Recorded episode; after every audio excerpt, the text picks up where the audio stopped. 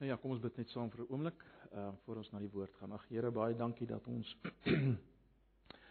nou kan besig raak met die woord en ons wil vra dat U vir ons uh hierin sal lei ten spyte van wie ons in onsself is op grond van wat ons in U is ter wille van U naam, ter wille van U eer, ter wille van die kom van U koninkryk.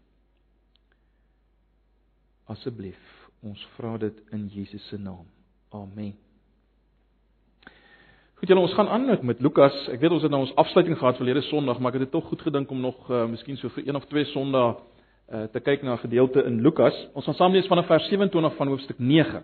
Ons het gekom uh, ons het eintlik gekom tot uh, vers 27 2 weke gelede, maar ek wil graag laat ons vers 27 saam lees uh, met die res van die gedeelte wat vanaf vers 28 gaan.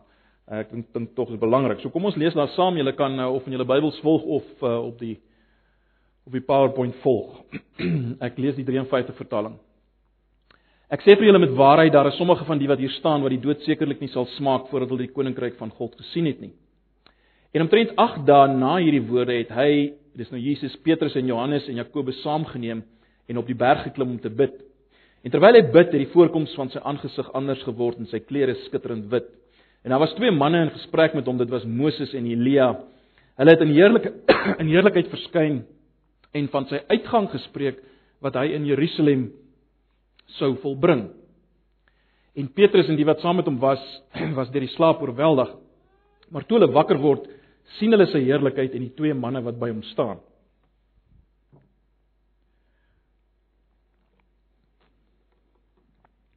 En toe hulle van hom weggaan, sê Petrus vir Jesus: "Meester, dit is goed dat ons hier is. Laat ons dan drie hutte maak, een vir u, en vir Moses een en een vir Elia. Hy het nie geweet wat hy sê nie. Maar toe hy dit sê, kom daar 'n wolk en oordek hulle en hulle het bang geword toe daardie manne in die wolk ingaan. En daar kom 'n stem uit die wolk wat sê: "Dit is my geliefde seun, luister na hom."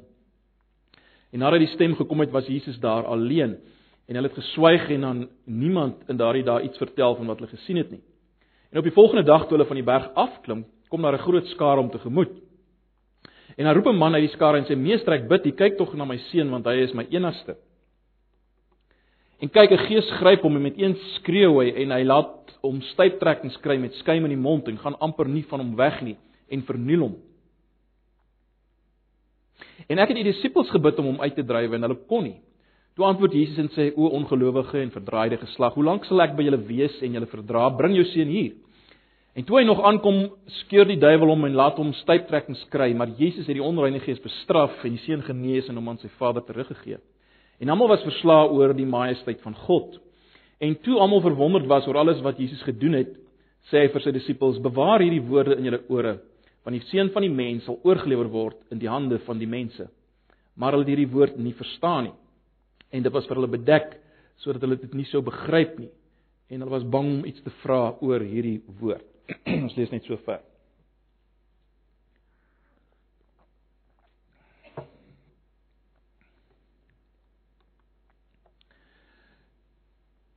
In die San Marco Museum in uh, Italië is daar 'n skildery van Fra Angelico, uh, hy's 'n Italiaanse skilder so van die vroeë Renaissance tyd wat gaan oor die dele gedeelte van die berg van verheerliking. Transfiguration. As mens mooi kyk na hierdie skildery, dan sal jy sien die uh drie disippels wat uitgebeeld word aan die onderkant van die berg en dan Jesus in heerlikheid op die berg, maar let op, sy arms is in die vorm van die kruis. En onder sy hande is natuurlik Moses en Elia. En hierdie is 'n gewellige betekenisvolle skildery en as mens as mens hierdie skildery verstaan, begryp jy ook baie meer van wat in hierdie gedeelte aangaan. So kom ons kyk na hierdie gedeelte. Hierdie gedeelte gaan oor oor hierdie hele dramatiese gebeure op die op hierdie berg. En onmiddellik is die vraag, wat is die verband met die vorige gedeelte?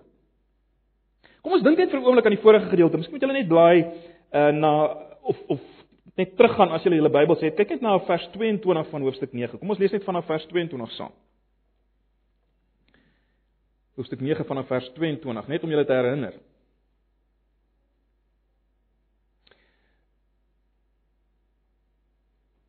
Waar Jesus sê hy nadat hy nou vir hulle gevra het wie se hulle is hy en so meer en dan sê hy in vers 22 van hoofstuk 9 en hy sê die seun van die mens moet baie ly en verwerp word deur die ouderlinge en owerpriesters en skrifgeleerders en gedood word en op die derde dag opstaan. Vers 23 en hy sê vir hulle en hy sê vir hulle almal as iemand agter my aan wil kom moet hy homself verloën en sy kruis elke dag opneem en my volg want elkeen wat sy lewe wil red sal dit verloor maar elkeen wat sy lewe ont my ontwil verloor hy sal dit red. Wat baat dit 'n mens tog as hy die hele wêreld win maar homself verloor of skade aandoen? Want elkeen wat hom skaam vir my en my woorde vir hom sal die seun van die mens hom skaam wanneer hy kom in sy heerlikheid en van die Vader en van die heilige engele. En dan kom vers 27 wat ons gelees het. Met ander woorde hier is versekerde verband tussen wat gebeur het wat Jesus nou net gesê het en wat nou gebeur hier op die berg. En dit is asof uh, Lukas wil hê ons moet raak sien of vir onsself afvra Miskien beter om dit so te stel. Hy wil ons moet vir onsself afvra, verstaan die disippels al werklik wat Jesus bedoel het as hy sê hy wat Jesus is moet ly en sterwe in Jerusalem. En hulle, as hulle hom wil volg, moet onthou as hulle agter hom aankom, moet hulle dieselfde pad loop in 'n sekere sin. As hulle wil vashou aan hulle lewens wat om hulle draai, gaan hulle dit verloor. Maar as hulle hulle lewens verloor ter wille van hom en die saak van die koninkryk, dan sal hulle dit red. Die vraag is, verstaan hulle dit? Die vraag is, verstaan ons dit? En hierdie hele gebeure op die berg van verheerliking wil as te ware hierdie vraag weer in 'n sekere sin op die tafel plaas. Kom ons kom ons kyk na hierdie gedeelte. Kom ons kyk eers na waar die gedeelte begin het. As Jesus sê Ek sê verseker vir julle as eh, sommige van hier wat van julle wat hier staan wat nie sal sterf voordat hulle die koninkryk sien kom het nie. Waarvan praat Jesus? Nou daar's baie debat hieroor. Maar ek wil tog die stelling maak vir oggend dat wat hy sê in vers 27 hou verband met wat nou gebeur op die berg van verheerliking en selfs toe hulle afgegaan het. Hoekom sê ek so? Wel, daar's 'n paar aanduidings. In die eerste plek Maak Lukas baie duidelik. Hy gee tydsaanduiding. Hy sê: "Ag daarna." Hierdie woorde. Het op die berg gegaan. So daar's 'n duidelike tydsaanduiding. Dan sê Jesus: "Sommige van die wat hier staan sal nie sterf nie." En dan vat Jesus sommige, hy vat 3 van die groter getal, vat hy 3 saam met hom op die berg.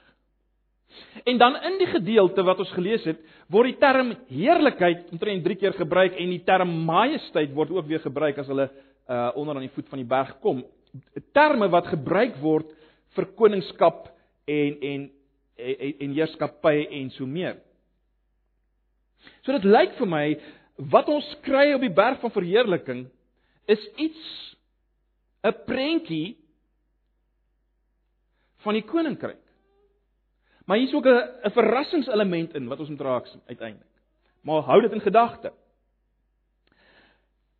'n Volgende belangrike ding om raak te sien is die is die feit dat hulle op 'n op 'n berg gaan. Nou 'n berge in die Bybel speel 'n gewellige deurslaggewende rol. Mens dink aan die berg Moria waarop Abraham vir Isak moet offer. Mens dink aan die berg Horeb waar God aan Moses verskyn in 'n brandende bos as die verterende vuur God wat nie afhanklik is van die bos vir sy bestaan, dit wil sê die volk vir sy bestaan nie. Hy verteer nie die bos nie, hy vernietig nie die volk nie. Maar hy is in die midde van die volk as die heilig vertering verteerende vuur God. God openbaar homself by Horeb. By Sinaï sou dit ook met Horeb kon vertaal. Later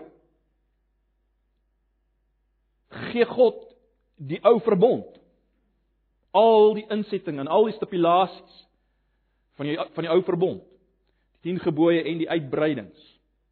Weereens op 'n berg. Elia word verkoop as hy basies aan die einde van homself is en eintlik wil sterf word hy verkoop in die in die koelte van 'n wyntjie by Horeb, weer eens die berg. En Elia by die berg Karmel behaal 'n geweldige oorwinning oor die Baal profete. So berge is betekenisvolle plekke van openbaring.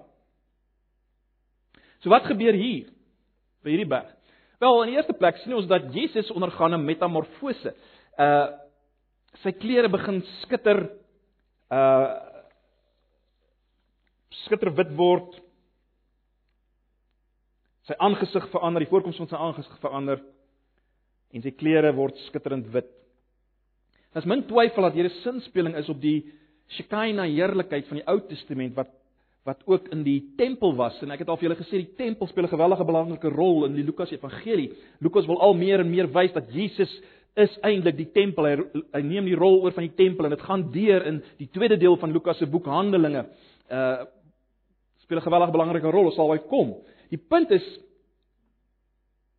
Jesus iets van sy heerlikheid, sy werklike heerlikheid word sigbaar. Sy goddelike heerlikheid.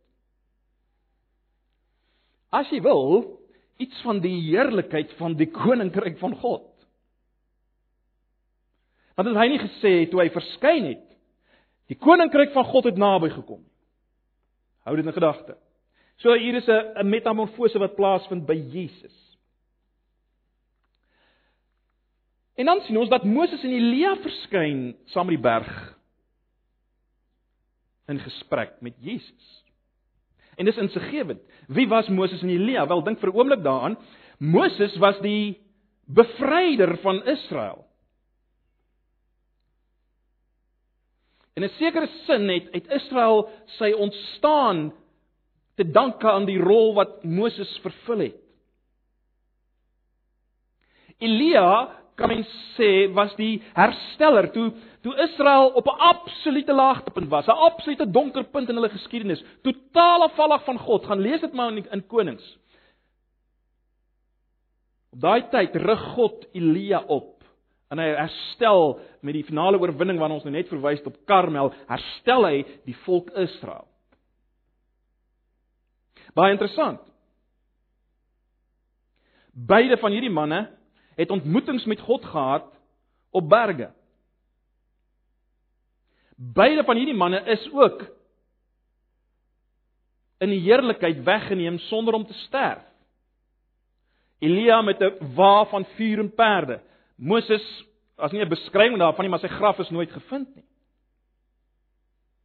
In 'n sekere sin sou mens ook kon sê dat Moses verteenwoordig die sogenaamde wet, die eerste 5 boeke van die Bybel.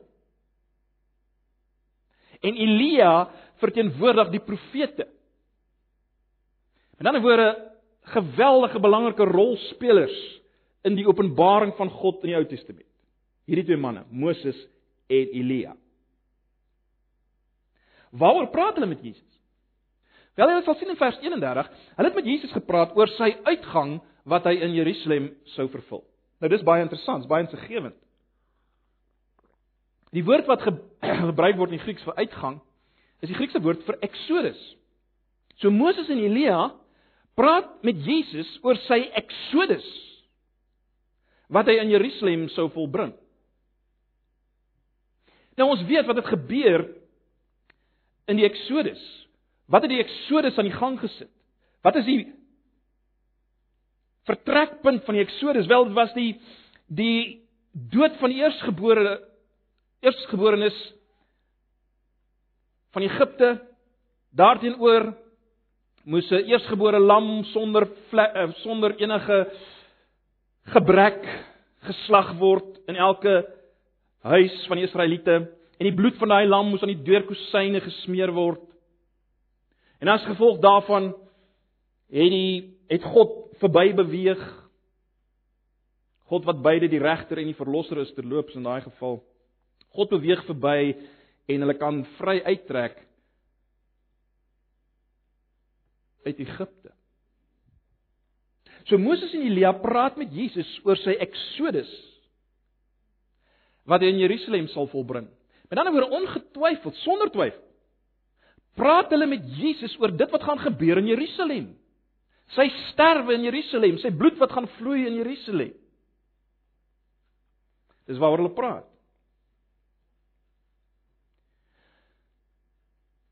En kyk nou die kontras met Petrus. Hulle het gepraat oor sy uitgang wat hy gaan volbring in Jerusalem. Sy sy dood. Sy kruisiging. Petrus sê: "Jeg, maar dit is goed dat ons hier is.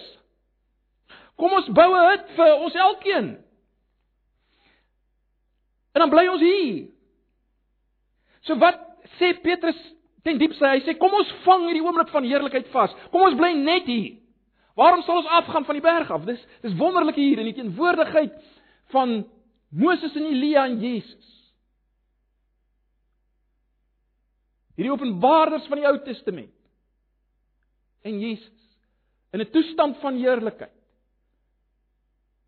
Sonder die hartseer en die pyn en die stikkenheid van die wêreld daar onder die aan die voet van die berg. Kom ons bly net hier, kom ons vang dit vas. is 'n skrille kontras tussen wat Petrus sê en en wat nou net gesê is deur Jesus en Moses en Elia. En is daarom nie vreemd daar is dat 'n stem uit die hemel kom wat sê dit is my geliefde seun. Luister na hom. Luister na hom. Luister na wat hy sê en wat hy gesê het oor die pad wat hy moet loop. Wat hy moet doen in Jerusalem, dat hy moet ly moet sterf en moet opstaan. Luister na hom. Luister na hom. Die implikasie hiervan natuurlik is hy's groter as Moses en Elia. Hy's die finale woord van God. Dink net weer aan Hebreërs 1 vers 2. In die verlede het God baie keer en op baie maniere met ons voorouers gepraat deur die profete in die laaste dae het hy met ons gepraat verlede tyd deur die seun God se laaste woord aan ons, se finale woord, sy uitputtende woord, sy absolute volkomme woord is Jesus self. Jy kan nie dieper praat en meer volledig praat as om jou woorde te laat mens word. Dis wat God gedoen het in Jesus. Dis God se laaste woord. Luister na hom. Luister na hom. En sy woorde het alles te maak met die pad van die kruis. Dis wat hy nou net vir julle gesê het. As iemand agter my aan wil kom, moet hy sy lewe verloor. Hy wat sy lewe wil behou, Petrus, sal dit verloor. Hy wat dit verloor, sal dit behou.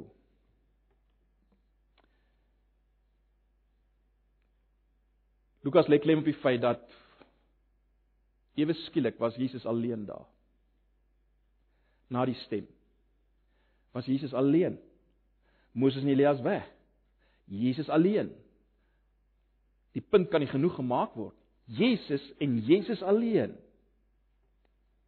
Want Jesus, sê ek weer, is eintlik die koninkryk van God. Die koninkryk van God het alles te maak met Jesus, nie so seer met heerlikheid nie. Met glans, maar met Jesus. En dis wat hulle moes raak sien. En dan vertel Lukas vir ons wat gebeur aan die voet van die berg. Hulle was nog skaars af van die berg Toe kom 'n man wat sy seun bring en dit lyk na 'n tipe van 'n epileptiese aanvalle wat hy gekry het, demoniese epileptiese aanvalle. En uh hulle sê maar hierdie disippels kon niks doen aan hierdie uh kon nie hierdie duiwel of duiwels uitdryf nie. Onthou nou, dis die disippels wat aan die voet van die berg was terwyl Jesus op die berg was. Vir die eerste keer was Jesus nie by hulle nie. In die oomblik toe Jesus nie by hulle is nie, toe kan hulle niks doen nie. Kry hulle dit nie reg nie. Insiggewend. Maar die punt is, wat kry ons aan die voet van die berg? Ons kry onmiddellik 'n toestand van gebrokenheid. Ons kry onmiddellik 'n stryd met die god van hierdie wêreld, die Satan en sy magte.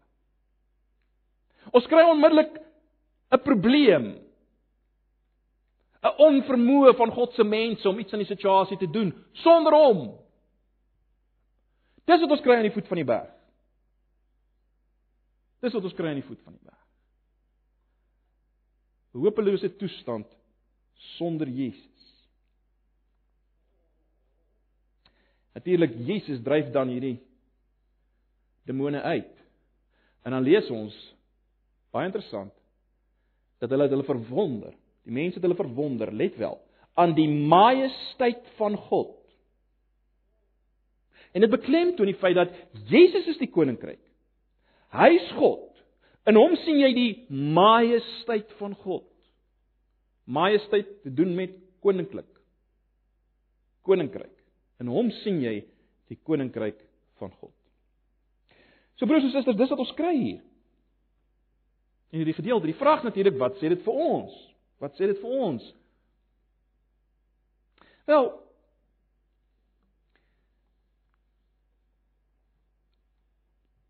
Ek dink dit is baie belangrik in die tyd waarin ons leef as kerk van die Here om dit te hoor. Terwyl ons hier op aarde is, het Christendom en die koninkryk niks te maak met heerlikheid nie.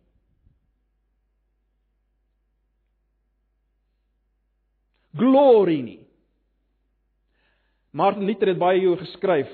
Ehm um, oor die kontras tussen 'n theology of glory and a theology of the cross. En hy het uitgewys, dis die probleem. Dis die probleem. Ons wil 'n teologie van heerlikheid hê.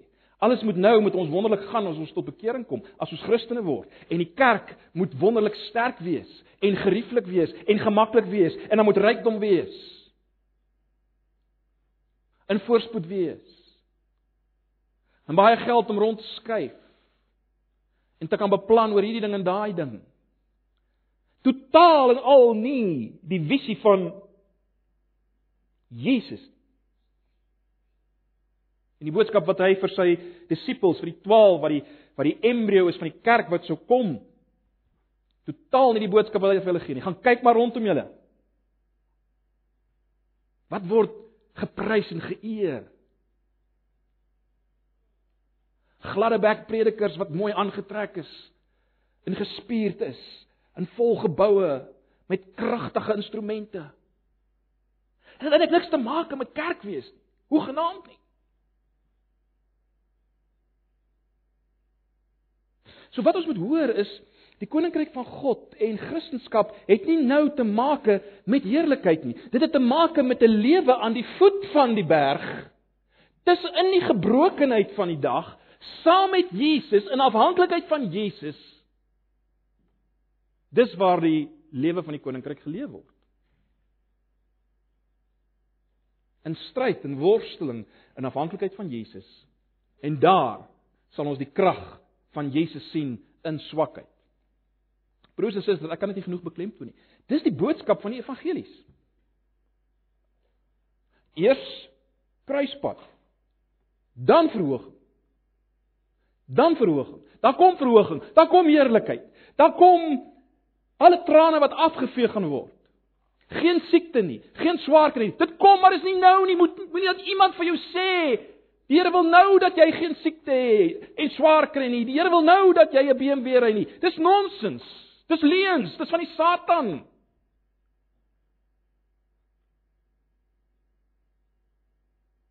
Die Christelike pad is die pad van die kruis. Gaan lees 2 Korintiërs. Die pad van die kruis nou. Heerlikheid kom, maar is nie nou nie. Sy krag en sy heerlikheid word nou sigbaar in swakheid en gebrokenheid van ons wat hom volg. Ag, mag die Here vir ons duidelikheid hieroor gee. En daarom broers en susters, dit waarmee ons begin het. Is die sleutel tot alles, is dit nie? Berg van verheerliking en die kruis kan nie geskei word. Ek kan net die berg van verheerliking verstaan as ek die kruis verstaan. Mag die Here ons help om om dit te hoor in hierdie vakansietyd. Tyd van Kersfees. Tyd waar daar dikwels vergeet word van die pad wat Jesus gesê het ons moet loop, né? Nee. Dit word vergeet in Kerstyd. Mag die Here ons help wat bevoorreg is om die woord te hê en te kan lees dat ons regte verstaan sal hê en dat ons dit sal oorbring na die rondom ons. Mag die Here sy woord so gebruik. Amen. Kom ons bid net saam. Here baie dankie vir u woord.